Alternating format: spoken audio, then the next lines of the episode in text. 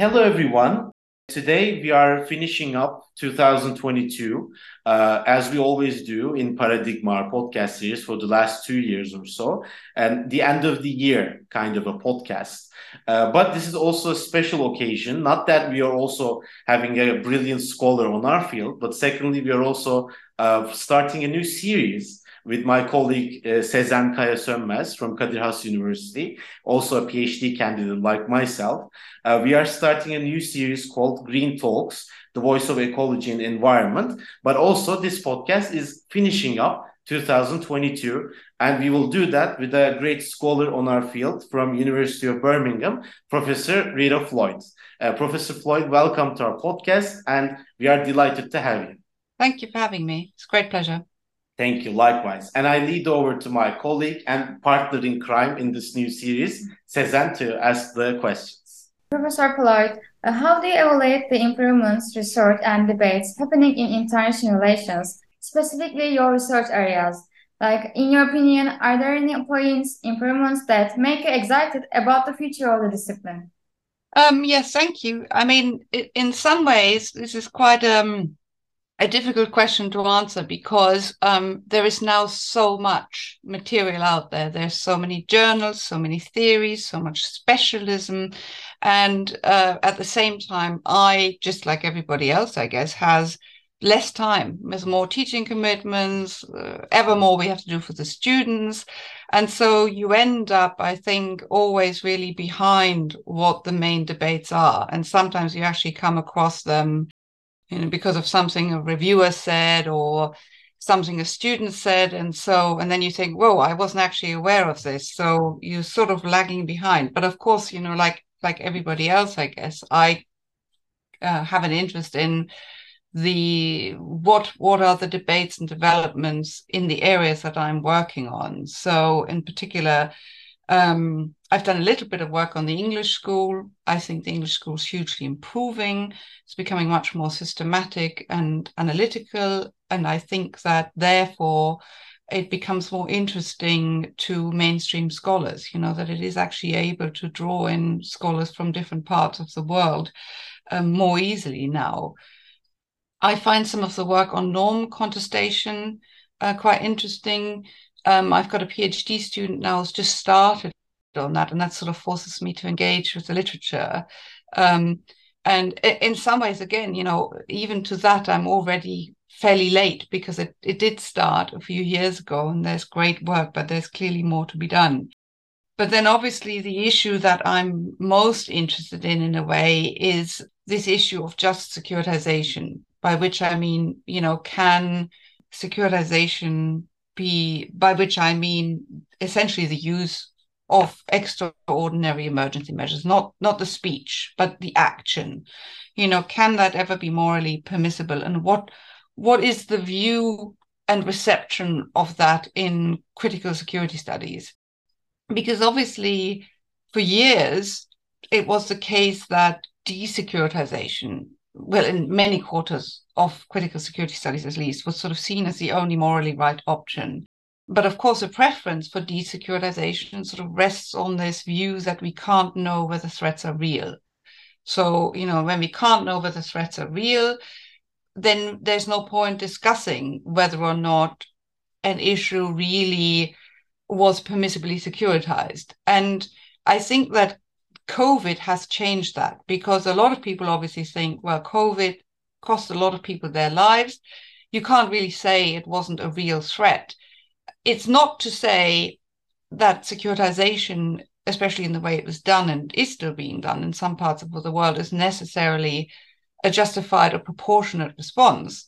But you definitely have a real threat. So COVID, in a way, opened up this area to make other people than than just myself and a few select others, you know, happily talk about is there a real threat? And I think actually the the war in Ukraine has a similar effect, you know, that actually the West should be doing something about Russia. So I think those those two events in a way are doing something to critical security studies or to security studies more generally. And for me, it's interesting to see, you know, what is that something? Are there going to be competing theories of just securitization, which would be brilliant? Because, you know, I don't think um, I've got all the answers. Um, that that was never the point. You know, the point was to have a, a theory that sort of starts this off, and then to see where will other people take this. So that I think is what interests me the most. And there are, you know, there's quite a lot of people um, that have obviously applied just securitization theory or some of the ideas within to the securitization of COVID. You know, the question is, will it be applied to other issues? And what will that mean for um, being critical? Okay, thank you so much for this answer. And we can, if you like, you know, go on to talk about more the events that happened in 2022 with the you know conceptual framework you opened up just now because you know our end of the year podcast series also takes on the events and issues that have been you know largely criticized and accumulated on in the past year let's say and we would like to ask like compared to previous years uh, this year has significantly been a lot about environmental security, the field of my colleague Sezen here.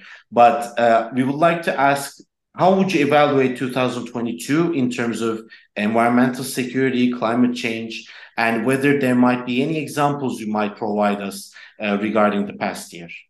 I think it's true in some ways that um, in 2022 we've heard um, a lot about uh, environmental and climate security.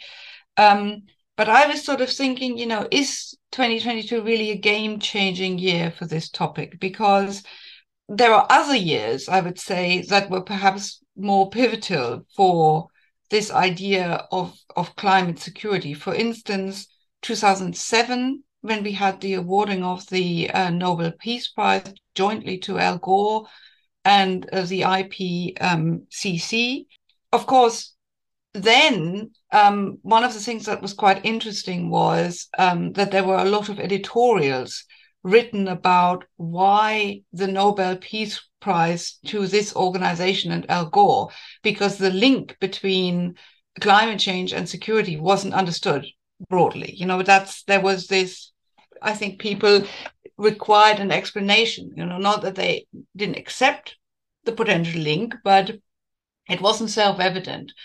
And maybe I think what, what has changed in recent years is that self-evident. But I don't know whether that was 2022 or already earlier, because of course in 2019 we have declaration of climate emergencies on part of the European Union, um, and also on the part of various other countries. So which was the more pivotal year in a way? It's it's hard to say. I mean, there are a few things that are new about 2022. One is that NATO, for the first time, includes climate security in its strategic concept. I think very much driven by the Secretary General, who does have, I think, a genuine interest in this. But of course, the whole idea of military or defense environmental security is actually quite old. You know, in fact, I mean, I did my um, my PhD work on this um, back in um, 2007, published in 2010, um, where I looked at what did the Department of Defense in the US do on environmental security, because they did actually have an Undersecretary of Defense for Environmental Security at the time. So the military um, has been quite a strong proponent of this agenda for many years. And in fact, I would say they deserve some credit for keeping this idea of climate security alive during you know the the war on terror during the financial crisis during the covid crisis when there are always other bigger more seemingly more pertinent issues that sideline climate security. And, and climate security has this problem because we we still but we see the effects of climate change but perhaps we still don't see enough of them um, unlike, say, you know, COVID, which was this tangible issue with all the pictures being around the world from um, northern Italy, for instance, or the situation in New York, uh, and so on. But one of the things I would say that probably was different um, or is different about um, 2022 is this um, is this issue of energy security and and food security, and that that perhaps has made or pushed climate security really sort of onto the mainstream agenda.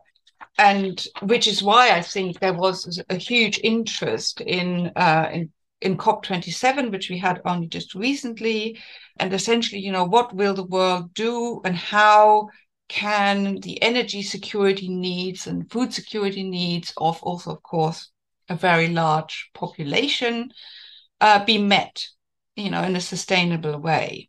And there's quite a lot of people who are quite positive about this. And I had this discussion with Robert Falkner from the LSE fairly recently, I think it was back in October, where he essentially proposes that um, this is a chance for the world to move towards renewable energy um, so that actually almost you can you can kill two birds with one stone. You know, you would you address energy insecurity now, but you do it in a climate uh, sustainable way. And I'm actually slightly less optimistic, I guess, than than Robert and and also a few other people. In fact, actually, another person who wrote about this recently is, is Sherri Goodman, who was the I think she was called Deputy Undersecretary of Defense for Environmental Security under Clinton. Um, and she she writes a similar thing, you know, that this could be a push towards actually achieving climate security.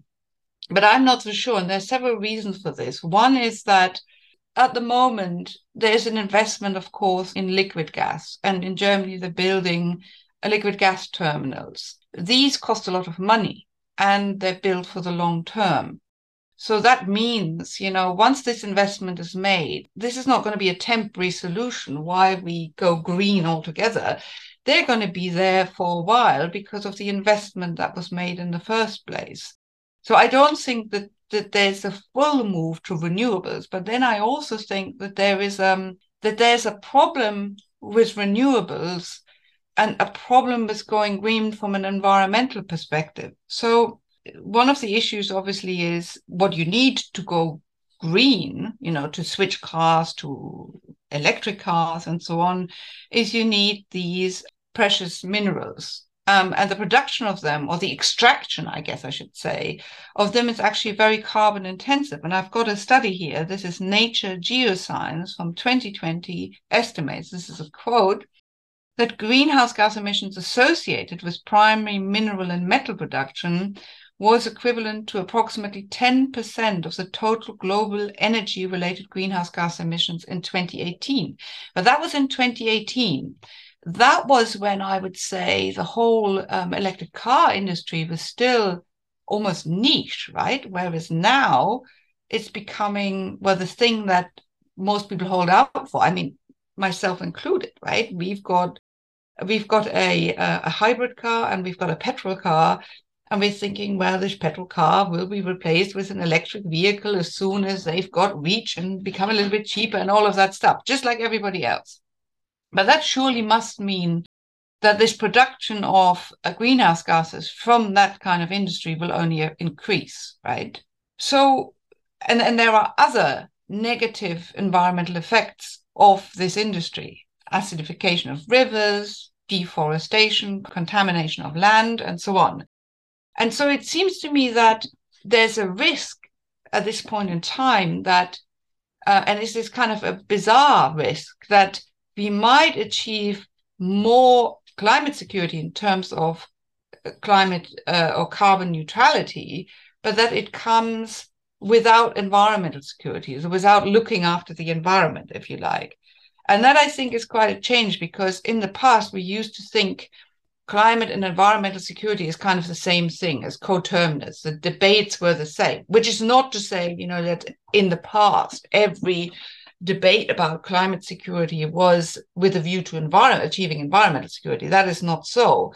But in a sense, you know, this question was not really asked whether climate security actually is good for the environment. We assume that if it's good for the climate, it is also good for the environment, or maybe we didn't assume that. I don't know, but it wasn't problematized. And I think there's definitely potentially an issue here. So that I think is maybe where we are at the end of 2022. Uh, thank you, Professor Floyd. Uh, you also mentioned about the COP27 and our the next question about the 27, which is the COP27 uh, has recently come to an end. And how do you perceive the current global climate security governance and development at the uh, COP summits?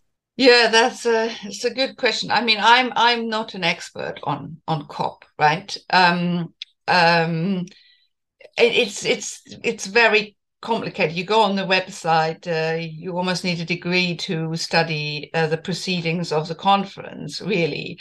Um, but I would say, I mean, I've done some work in the past on on climate security governance, and so climate security governance, I guess, um, can refer to two slightly different things. So one is the sort of um, looking at the formal regimes that operate at the at the global level um, and the other one is to look at the sort of totality of norms, regimes, and principles that sort of deal with a global environment, a global environmental issue, as here climate change, involving multiple actors. And I think we probably have to look at the latter because, of course, we, well, we, there are climate regimes, but I think more interesting, I guess, is also who are the different actors and and what kind of ideas um, do they bring to the to the table? Um, so if we go with the second one then we can see there's certainly a huge number of actors um, involved in climate change now. So at the cop um, i think that this cop was the second biggest cop um, ever. And it had something like 30 33 or so thousand participants from 197 countries. Every country sent delegates. Um, apparently, there's not a single country now that is simply an observer state, so everybody participates. Of course, you know this was the, build of the African COP. And so um, there certainly were big contingents in terms of delegates sent from Africa and also from from the developing world. And lots of people from ngos i think approximately 12000 or so.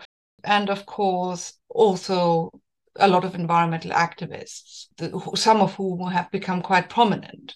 And so i think we can say you know the issue has got the kind of prominence we could only have dreamt of in the late 1990s you know. So i remember I started my undergraduate degree in uh, 2000. That was just uh, after Kyoto. And I remember that I was sort of so dismayed by how little that seemed to matter. I mean, it mattered to those who already cared, but not to the rest, I would say. So there's definitely sort of a positive change, but sort of goes back to your previous question. I would say that, you know, of course, the participants and, and most people, I would say, probably agree that climate change is real and has effects on security. You know, we can say at at different levels of analysis. Um, so it, you know, some some actors would focus on security of individuals, security of, of regions, or security of um, of individual states, or, or security of um, sort of more sector specific, you know, food security, energy security. So you can look at this in different ways. But I also think so this this already means that I don't think everybody prioritizes the same thing. Right. So you can have people thinking climate security matters, but that doesn't mean there is agreement. And so in my previous work, I looked at this sort of concept of um, institutional fragmentation and sort of theorized that institutional fragmentation brings with it probably ideational fragmentation, by which I sort of meant this phenomenon that diverse organizations and actors' choice of a discourse on an issue, well, discourse and action on an issue, um, is influenced by who they are and specifically, you know, by their relative strengths what can they offer? What are they good at? What's unique about them that they can do? But also their their weaknesses, you know, be they perceived or real. What what actually how does an issue affect them?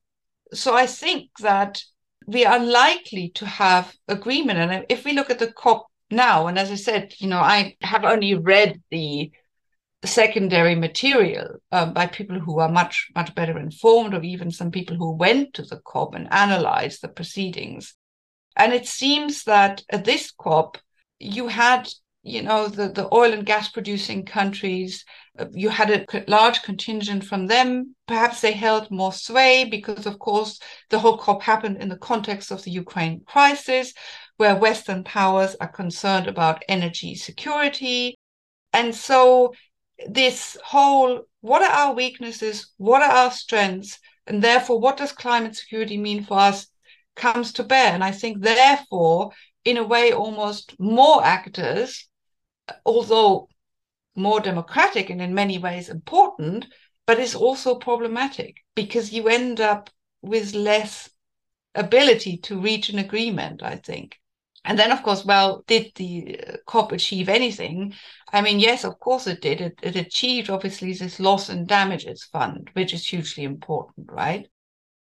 Um, but I think that this fund is also potentially quite dangerous because it sort of means that, um, or it could mean that the, the fallout from climate change can now be managed. You know, it's okay. We can pay for the problem or for the after effects. I mean, to be fair, I think that there are going to be big problems with this fund because the promises are made at the conference and then later on, you know, a year later, they assess what's actually been achieved, and there's usually very little, or the money that was promised wasn't nearly enough. But it is a start, right? And it is, in many ways, a positive development. But I think it also has a downside, and the downside being that perhaps there is a chance it detracts from the cause and focuses sort of on some of the consequences only. So, I mean, we will see what happens. Thank you so much uh, for this great in-depth answer, if I may. Uh, we would also like to, you know, have more of your thoughts regarding the Russia-Ukraine war, as you had touched upon in the previous questions already. But uh, we had huge issues regarding human security about the war, uh, let alone the environmental security consequences. But uh, we also had seen like securitizing discourses regarding the war, both leaders from Western leaders and so on. So, how would you evaluate both issues regarding the current war?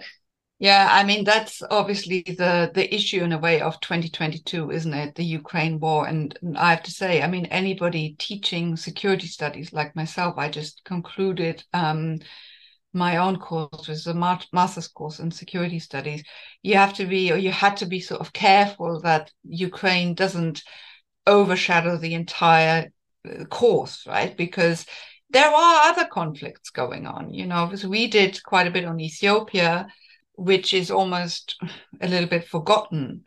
Uh, and I think, you know, we, we didn't do enough on Myanmar uh, there's a situation in Haiti, so there's there's other conflicts. But um, I think what the Ukraine war certainly shows, I mean, it, it has put war in Europe obviously back on the map in many ways. But it shows, I think, that um, war is really, as far as individuals are concerned, the the ultimate um, insecurity maximizer. So again, you know, if you look at and, and i always like to look at things from the levels of analysis perspective but then also from the sectors of security perspective you know so you can see how you know you wanted me to to look at human security in particular.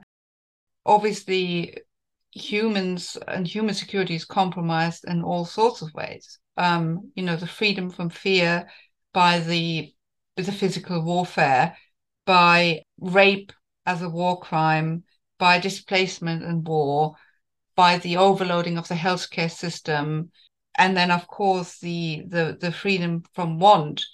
I mean, the boundary is actually sort of less rigid almost in war than it ordinarily is because you know lack of access to clean water and and electricity. Now the cold in ukraine uses a weapon of war as well um, you've got the environmental impact of the war, which you mentioned, you know, which which has actually gotten some coverage. Um, there was a UN report um, the other day or a UN study. Um, that looked at the environmental impact uh, of the war in Ukraine, but I think it didn't have an awful lot of data. So there were quite a lot of other wars that were mentioned and the environmental impact on the war in, in general. It used to be a bigger topic in environmental security studies, um, the, the impact of uh, war on the environment. But obviously, you know, you've got the destruction of the natural environment in general, but you also have um, the destruction of infrastructure, so, for instance, of uh, chemical plants and so on, and obviously the nuclear plant that we hear on the news um, uh, quite a lot about, um, and the risk from that. Yeah, as I say, I mean, all aspects of security um, are affected as regards the, the life of individual people in Ukraine.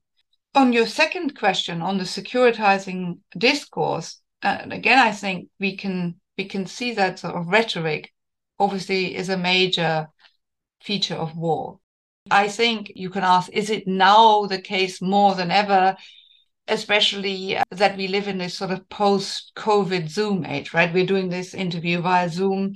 So we're right in it. But uh, obviously, it's enabled, I think, President Zelensky uh, of Ukraine to become this very prominent figure, to be beamed around the world into parliaments everywhere and uh, ask for help and uh, also you know explain the human security situation of the people on the ground. So so in this context then i think there's two kind of uh, things that stand out for me about the securitizing discourse. So whereby something or someone is declared existentially threatened and action has to be taken. I think the first one is that um, i noticed that western leaders from the beginning don't really uh, only declare that this war or what Putin is doing is a threat to Ukraine, but actually that it is a threat to Western order, to, to Western values, and so on. Um, and, and then you can ask yourselves, well, why do they do that? And I think one reason, obviously, is because um, they need to convince the electorate that the war effort and whatever the European Union is doing and uh, NATO countries are doing to support um, Zelensky and Ukraine um, are, are, justified. You know, in a way, they're seeking sort of legitimacy for the sanctions, which of course have repercussions for us uh, over here in terms of the energy prices, for instance, right? Um, so that's one thing. But I also was thinking whether it is a little bit defensive because there obviously have been some voices that have said, well, isn't it the the European Union or more likely NATO's actions, you know, the Eastern enlargement that is responsible for this conflict? It's sort of saying that, you know, this is the war against the West and against Western values, I think is sort of helps to deal with this backlash in certain quarters, you know, to say, no, actually, there is something bad or wrong with Putin, that this is something he would have done anyway, nothing to do with us. He's just against Western values. He refuses to see uh, or take us for what we are, and therefore we get this conflict. So I think there's possibly something in that. Then um, coming back to Zelensky, so Zelensky obviously has argued, you know, he not, hasn't only explained in great detail and uh, evocatively what the situation in Ukraine is like. But he also repeatedly argued, you know, he's fighting this war for us, that Russia will expand further into Europe, and that therefore he needs weapons and or even institutional membership. And he obviously is quite a skilled orator. I mean, there's this, uh, as you know, you know, he he was an actor or comedian or something, a voice actor by um, by training. Um, but he clearly also has some quite skilled speech writers, and what they do is that whenever they speak at foreign parliaments, they evoke something that is close to the hearts and minds of the population they're speaking to. So, you know, when they were addressing the Bundestag in Germany, they mentioned the wall many, many times. Uh, not they, he, I should say he, but obviously there are other people that are presumably involved in the speech writing. Um, when he was speaking um, in, in the UK, he invoked the narrative of Churchill and so on. So he's clearly very skilled, you know, in making this our issue as well by using this specific rhetoric. So that's that's probably what I would say on the issue of um, securitizing discourses and the importance of rhetoric and all of this. Thank you, Professor. You talk about the just securitization, environmental security, climate security, and COP27 and Ukraine. Uh, now, uh, we would like to ask another uh, topic, ask a question, another topic. Uh, since you also work extensively on international ethics, so how would you comment on the morality of security uh, of the current international order? I mean, that's a good question. So uh, I probably should say, for those who don't know, I mean, I mentioned already at the very beginning that my work on the morality of security is really concerned with the moral permissibility of securitization. And by securitization, so again, I don't mean the Speech Act, but I actually mean the use of extraordinary measures to deal with a threat. And so, in a way, then just securitization theory is about whether uh, otherwise, so in normal times, impermissible actions and behaviors uh, are permissible. And um, my theory, the just securitization theory, advances a sort of set of moral principles that set out when the resort to securitization is morally permissible, then also a, set of principles on the just conduct in securitization. So, how should executors of securitization conduct themselves. And I also have some criteria on just desecuritization. So, when should securitization be undone? Who can actually meaningfully do that? Uh, and how can we, and, and part of that also is how can we avoid renewed securitization of uh, an issue? And so there's three sort of di- distinct audiences for this theory. One is um, scholars who want to talk um, a bit more in a bit more differentiated way about the ethics of securitization, you know, because as I said earlier, it's not always that desecuritization is better. Uh, at least we have to consider that it might not always be the case. Then there are practitioners. You know, I, I in an ideal world like to reach some practitioners and and tell them, you know, these are the things that actually matter to the ethics of of securitization. And then thirdly, I mean, um, in a way, lay persons or interested people who, who want to criticize decision makers, but who need some tools to do that. But obviously, these issues kind of um, they they coexist because if you had practitioners who used the language of just securitization, then it would be easier for the general public to hold practitioners to account to say, well, you said, but you didn't do. You know, we have that with the just war theory or the just war, war tradition. Um, and of course, you know, what I do is is essentially modeled on the just war um, tradition, though there are some considerable differences.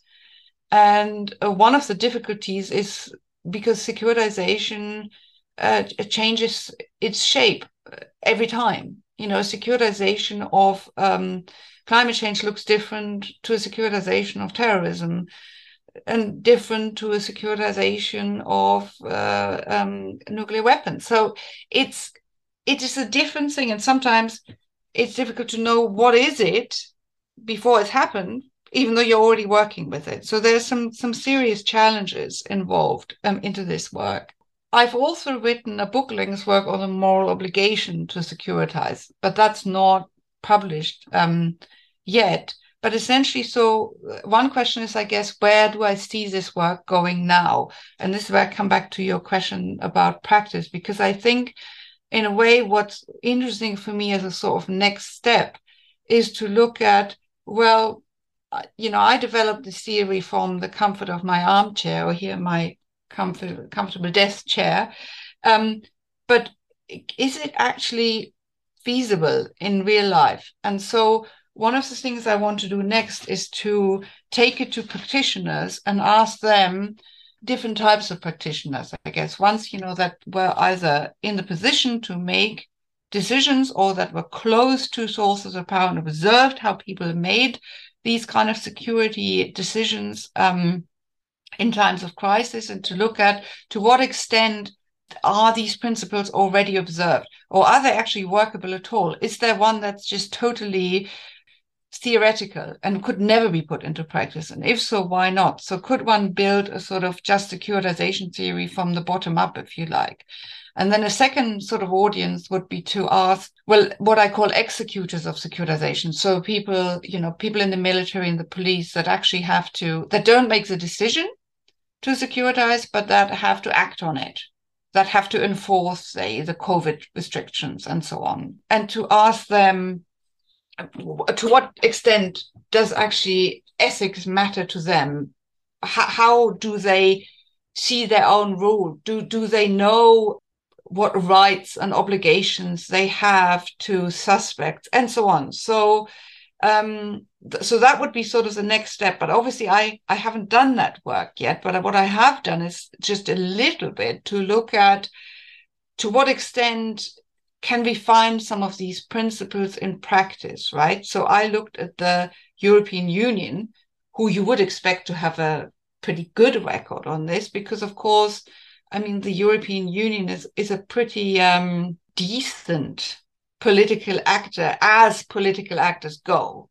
And I was recently asked to do some work on law, the role of law and, uh, and and critical security studies. And one of the issues I sort of looked at for the purposes then was to what extent does emergency legislation, because obviously in the European Union, security policy will always be accompanied by lawmaking because um, because of the way well because of the of the role of the rule of law or the the Rechtsstaat, as the Germans call it, persona of of the European Union. I looked a little bit, you know, to what extent does the lawmaking correspond to some of the ideas in just securitization theory? I looked at um, the emergency legislation for COVID. And so there I found that the European Parliament, for instance, invited the Venice Commission, which is a body of the European Council, not the EU, which in turn in April 2020 had issues a, a sort of toolkit for member states on how measures to contain COVID uh, ought to be um, applied. And in a sense, you know, so the European Parliament invited the Venice Commission to look at whether or not essentially these principles were adhered to. And likewise, you know, on Friday, the 13th of November, the European Parliament passed a resolution on the impact of COVID measures on democracy, the rule of law, and fundamental rights.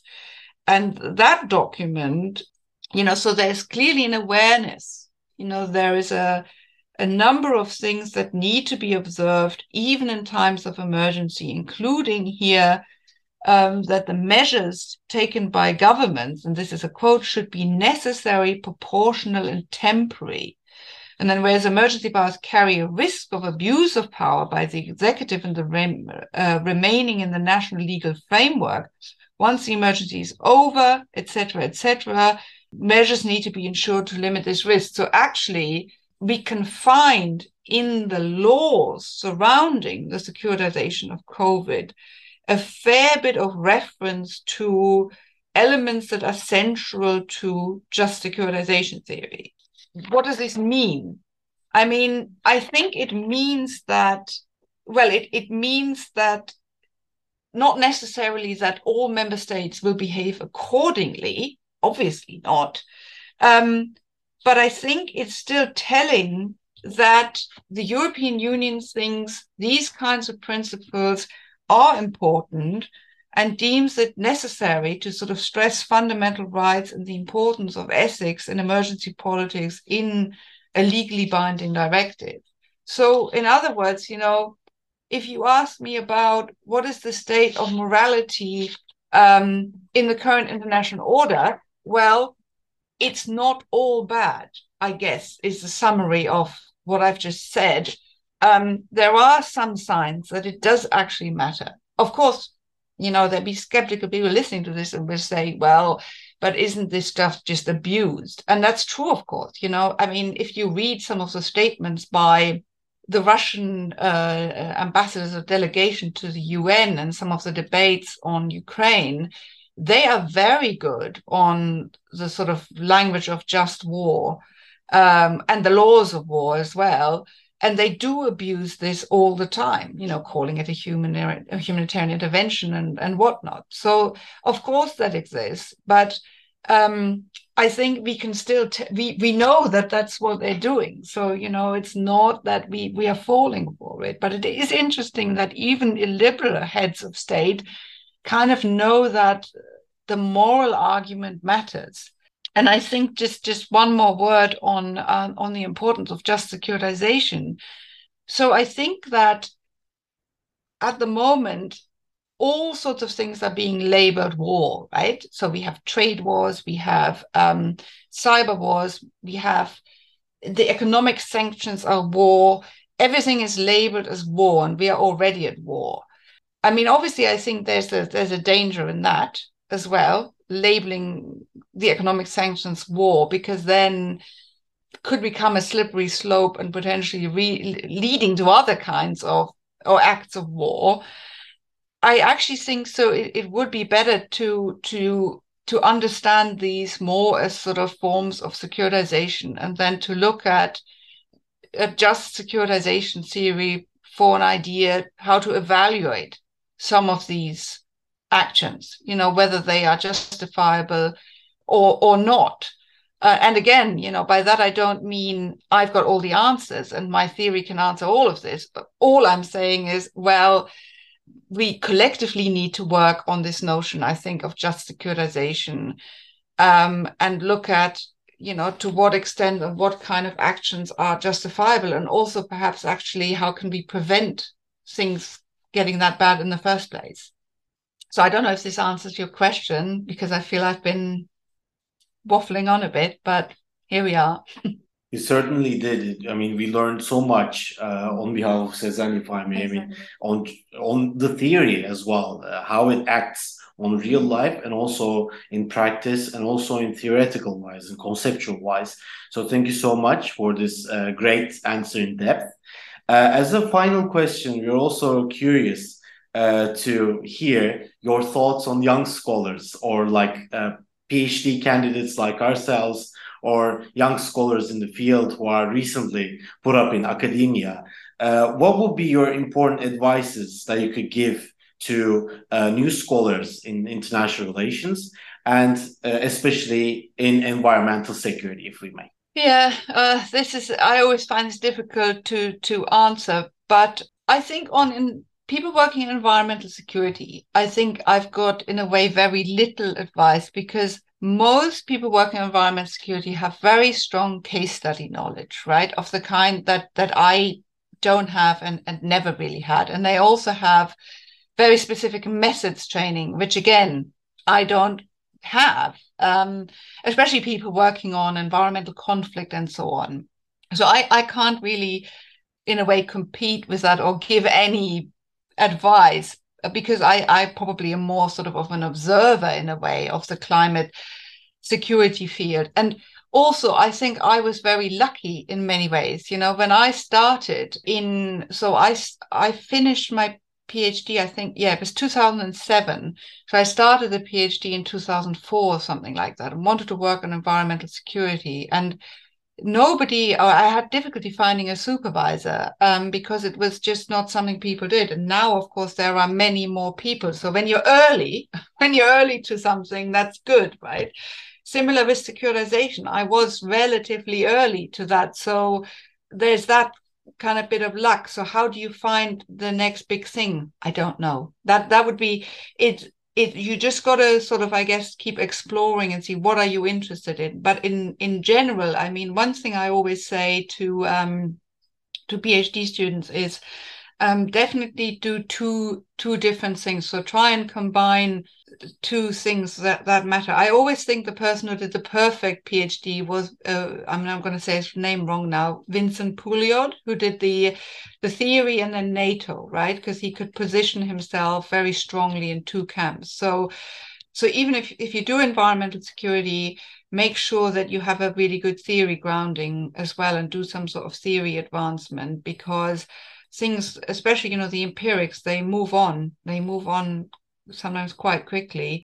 The other thing is, I think, you know, you need a very thick skin. Rejection is normal. We never we never put it into the journal articles at the bottom, but one, what one should really put sometimes is this paper was also reviewed there, there, there, there. And I thank all of these other reviewers and not just the ones for this journal, because that is in reality how it is, you know. So, um, so, and I actually think, you know, what you two are doing is great to um, try and reach out and have this podcast you know apart and and do something slightly different. But it's becoming difficult because there's just so much. So um yeah.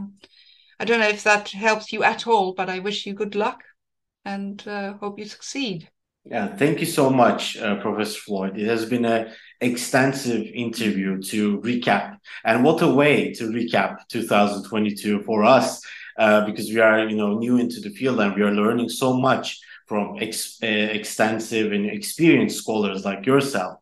So we would like to thank you very much for sparing the time and being with us today in our podcast. My pleasure. It was was great fun. Thank you so much. And uh, we will hope to stay in touch uh, in 2023 uh, and the years that will follow, and also regarding our podcast. And we would like to thank the audience uh, who listen to the podcast. And we wish everyone a peaceful and hopeful new year, uh, if I may. And if I leave word to Sezen, if you have any uh, final words, and then we can conclude. Uh, th thank you, Professor Floyd, for accepting our request. And I wish to Happy New Year to you and our audience too. Thank and you. Merry yeah. Christmas and Happy Holidays.